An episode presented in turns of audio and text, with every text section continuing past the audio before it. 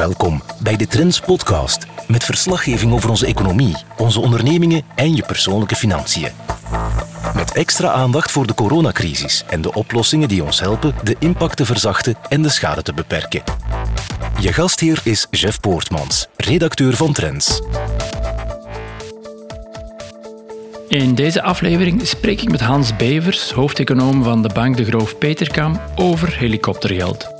Geen idee of u de term al kent of hem het horen vallen, maar het beeld is denk ik wel duidelijk. Geld dat vanuit een helikopter over de mensen wordt uitgestrooid. En dit idee gaat al een paar decennia mee. Elke keer als er een crisis uitbreekt, zoals nu, steekt het weer de kop op.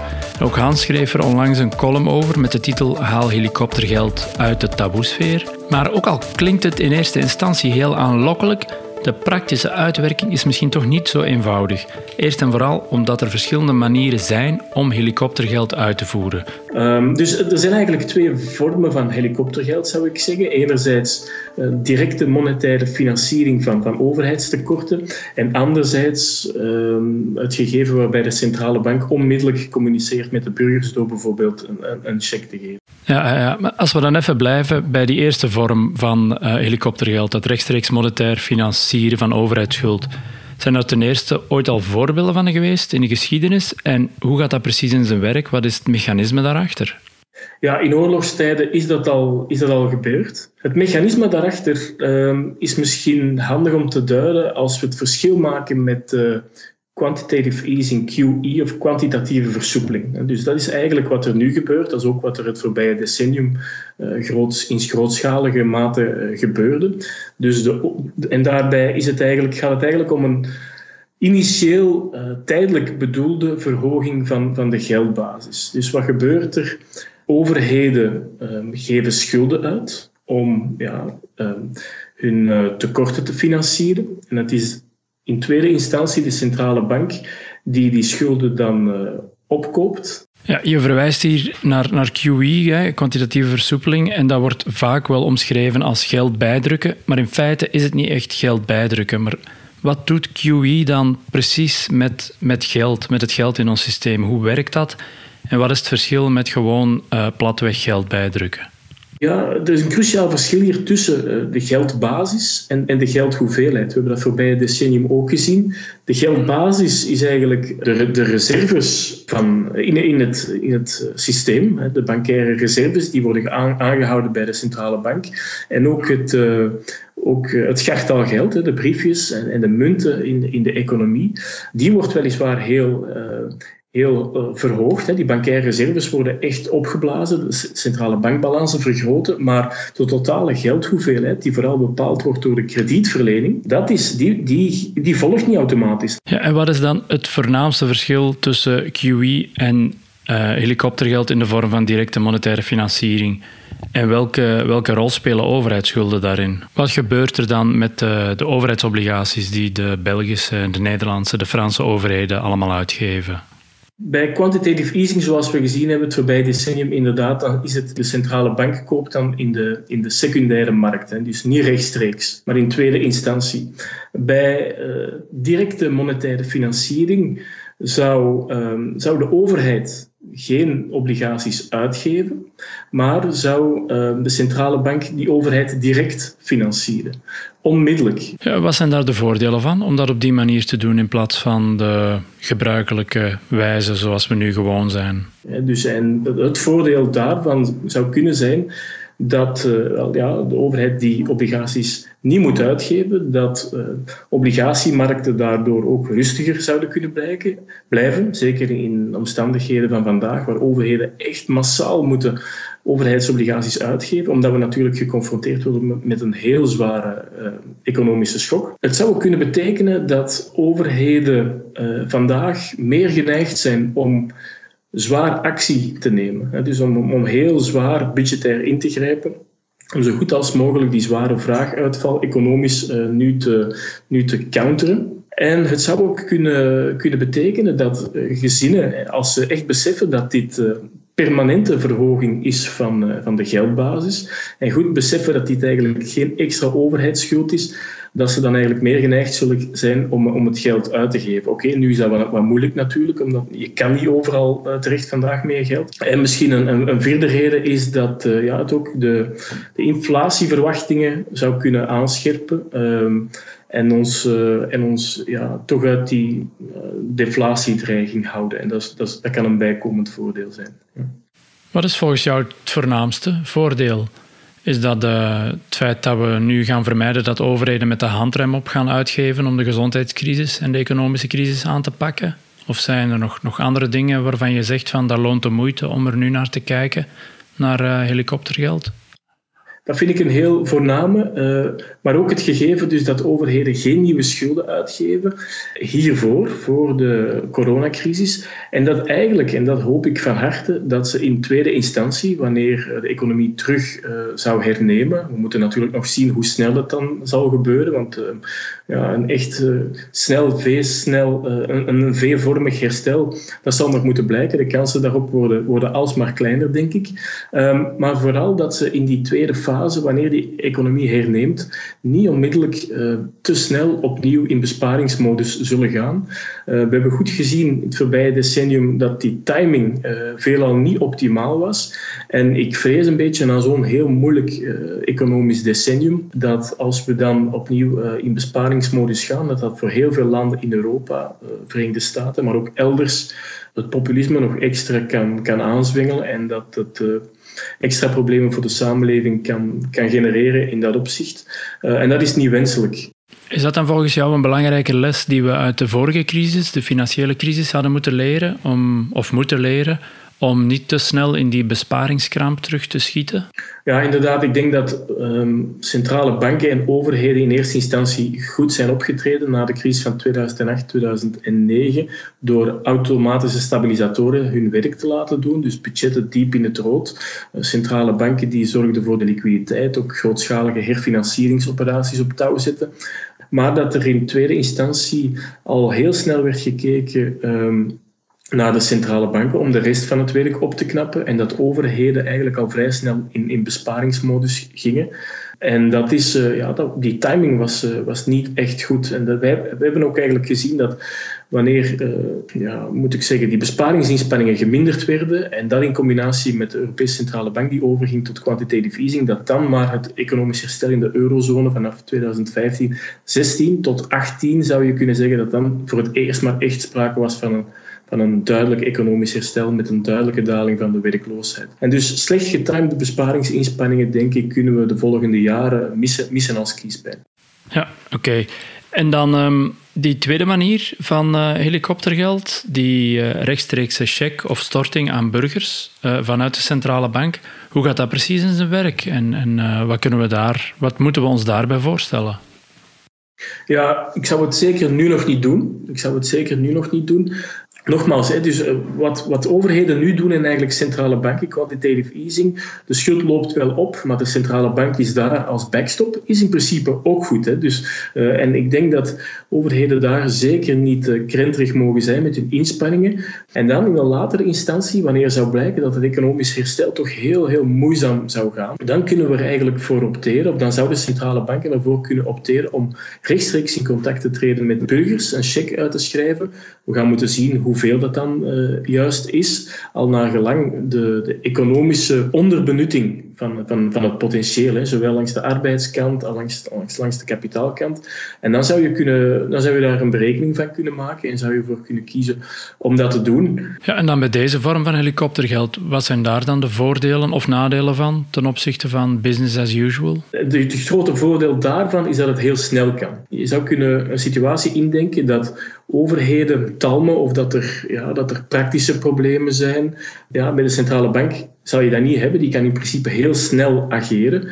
Mogelijk nadeel daarvan wel is dat, ja, dat er misschien een issue is met de, met de democratische legitimiteit. Hè. Hoe, hoe legitiem is het dat, uh, dat de centrale bank dan onmiddellijk in contact uh, met, uh, met de burgers? En een tweede punt is, ja, je geeft dan in principe iedereen evenveel Oké, als uh, je zou daarvoor kunnen kiezen om bijvoorbeeld de onderste 70% of de onderste 80%, 80% helikoptergeld te geven, een cheque te geven en de rest niet. Of je zou het achteraf kunnen compenseren via de belastingaanslag. Dat is nog een mogelijkheid. Wat is dan de voornaamste troef om het in deze vorm uit te voeren? Is dat om het mogelijk trauma dat consumenten uit deze crisis zullen overhouden, uh, zo snel mogelijk weg te werken?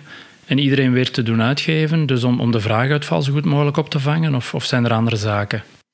Ja, het is vooral ook om die eventuele ja, die, die onderbezetting van je economie, als die te lang aanhoudt en uh, het, uh, ja, het uh, zelfvervullende negatieve verwachtingen creëert, ook met een, uh, met een kans op een deflatoire spiraal, dat die echt bekend moet worden. En de rechtstreekse inzet van uh, die check zou daarbij kunnen helpen. Ik zou het zeker niet lichtzinnig doen, uh, en zeker niet in eerste instantie, maar het kan wel, denk ik. het kan wel. En het zou, volgens de meeste studies die ik daarover gezien heb, ook echt wel helpen om het vraagprobleem te, te bekampen. Oké, het zal zeker zijn dat veel burgers ervoor zullen kiezen om een stuk van die gelden op te potten, dus niet te spenderen. Dat is, geen, dat is niet dramatisch of niet het einde van de wereld, in die zin dat het ook helpt om hun budget, hun huishoudbudget beter op orde te stellen, moesten ze veel schulden hebben. Of je zou kunnen zeggen, oké, dat is niet helemaal de bedoeling, we kunnen werken met een, met een vervaldag op die checks. Ja, dan zullen ze wel moeten het geld sneller uitgeven. Ja, en dan de titel van jouw stuk luidt, haal het uit de taboesfeer. Welk taboe rust er dan op, helikoptergeld? En uh, hoe lang rust dat er al op en waarom? Het, uh, het, taboe is dat um, ja, geldcreatie uit het niets, dat dat voor heel veel mensen toch, toch een, uh, een moeilijkheid is om, om, te, om te begrijpen. Uh, maar in principe kan een centrale bank geld creëren uit het niets. Heeft zij in principe ook een oneindige capaciteit voor. Uh, en dan zijn er nog twee andere bekommernissen, denk ik.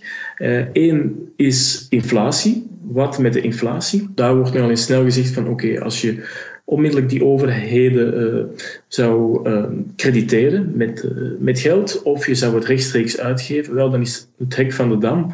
En dan gaan de inflatieverwachtingen fors omhoog. vaak wordt al de vergelijking gemaakt met, met de Weimar-republiek in, in, in Duitsland, jaren 20, begin jaren 30, of de, de, de klassiekers, hè, Zimbabwe, Venezuela, eh, Argentinië. Maar ik denk dat alles staat of valt met de sterkte van uw politieke instituties en met de geloofwaardigheid. Uh, hier zou het gaan om een kortstondige, eenmalige maatregel met, met ja, laat ons wel wezen, instituties die nog, altijd zeer credibel zijn, toch een, een track record hebben. Die situatie is volgens mij niet te vergelijken met, uh, met de economie die ik zo net noemde. En ook ja, inflatie Uiteindelijk proberen we een vraaguitval te bekampen. De, uiteindelijk is die eh, deflatie is net wat je, wat je wil voorkomen. Uh, het, was nog, uh, het tweede punt was, naast inflatie was nog moral hazard. Dus moreel wangedrag, uh, letterlijk vertaald. Of, of het gegeven dat je meer risico zou beginnen nemen als overheid of als private sector, omdat je weet, er is altijd die backstop van die centrale bank. Maar ik denk dat dat nu hier eerlijk gezegd niet van toepassing is. Het gaat hier over een externe schok waar uh, niemand schuld aan heeft. Dit, dit overvalt ons. Ja, zeg, en even terugkomend op dat inflatiegevaar, want dat is sowieso een groot vraagteken nu, denk ik. Hoe kunnen uh, beleidsmakers en centraal bankiers de vinger aan de pols houden wat betreft inflatie? Welke parameters moeten ze naar kijken om te weten welke richting het met uh, het prijsniveau uitgaat? Wel, we hebben natuurlijk eh, de, de, inflatiecijfers, we hebben ook uh, de loongroei, we hebben de bezettingscapaciteit uh, in de economie van, van bedrijven. Dus aan hoeveel percentage werken zij eigenlijk? We hebben de arbeidsmarkt, daar hebben we de, de werkloosheidscijfers, de werkgelegenheidscijfers. Dus we hebben een hele we hebben de geldgroei, we hebben een hele race indicatoren om naar te kijken als economen. En we hebben natuurlijk ook ja, het gegeven dat centrale banken moesten die inflatieverwachtingen en moesten inflatie uh, ontsporen, dat centrale banken nog altijd kunnen ingrijpen. Maar wat we wel gezien hebben sinds de jaren 80, toen inflation targeting echt de norm werd en centrale banken ook meer en meer onafhankelijk werden, ja, dat zij er wel heel goed in geslaagd zijn om die verwachtingen van inflatie bij het brede publiek heel goed te, te verankeren.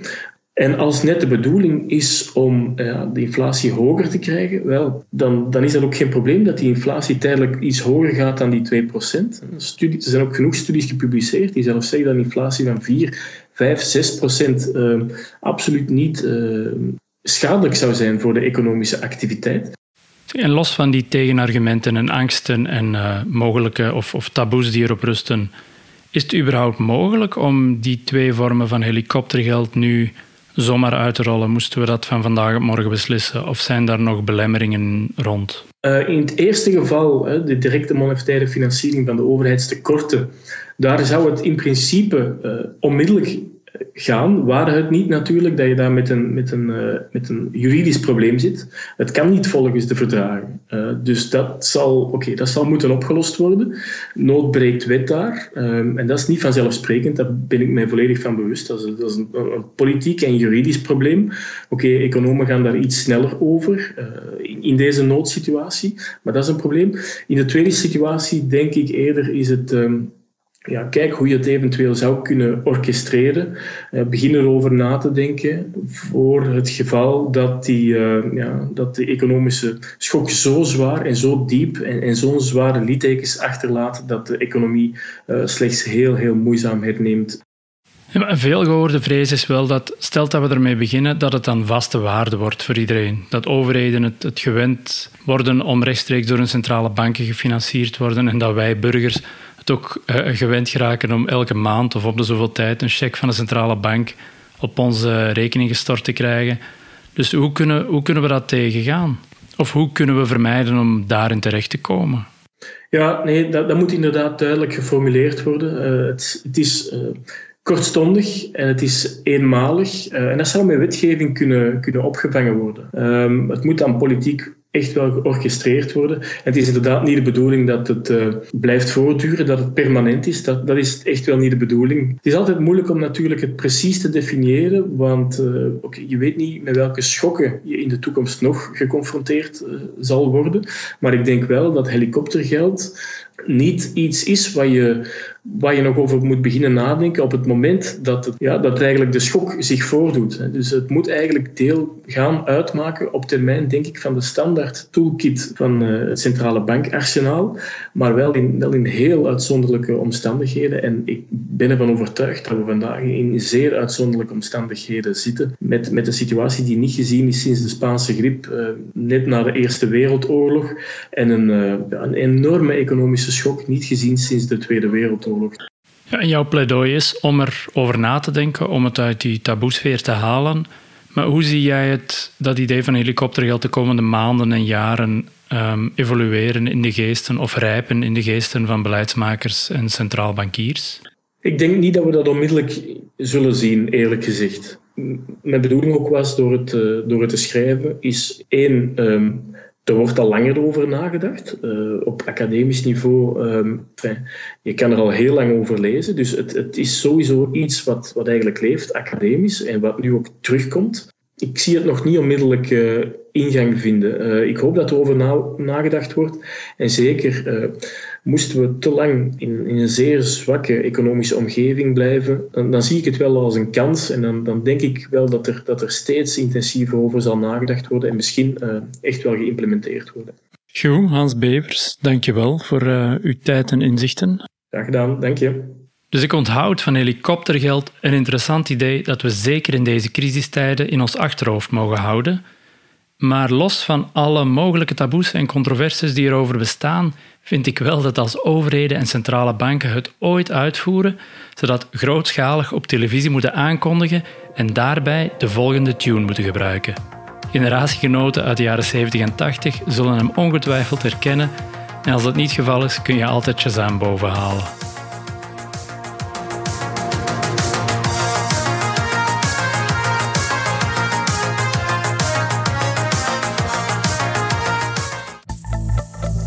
Luisterde naar de Trends podcast met een update over onze economie, onze ondernemingen en je persoonlijke financiën. Tot zover deze aflevering van de Trends podcast. En als u ervan genoten heeft, aarzel dan zeker niet om ons te delen op social media of om een recensie achter te laten op uw favoriete podcastplatform. Deze podcast kan je beluisteren op trends.be-podcast via SoundCloud, Spotify en iTunes.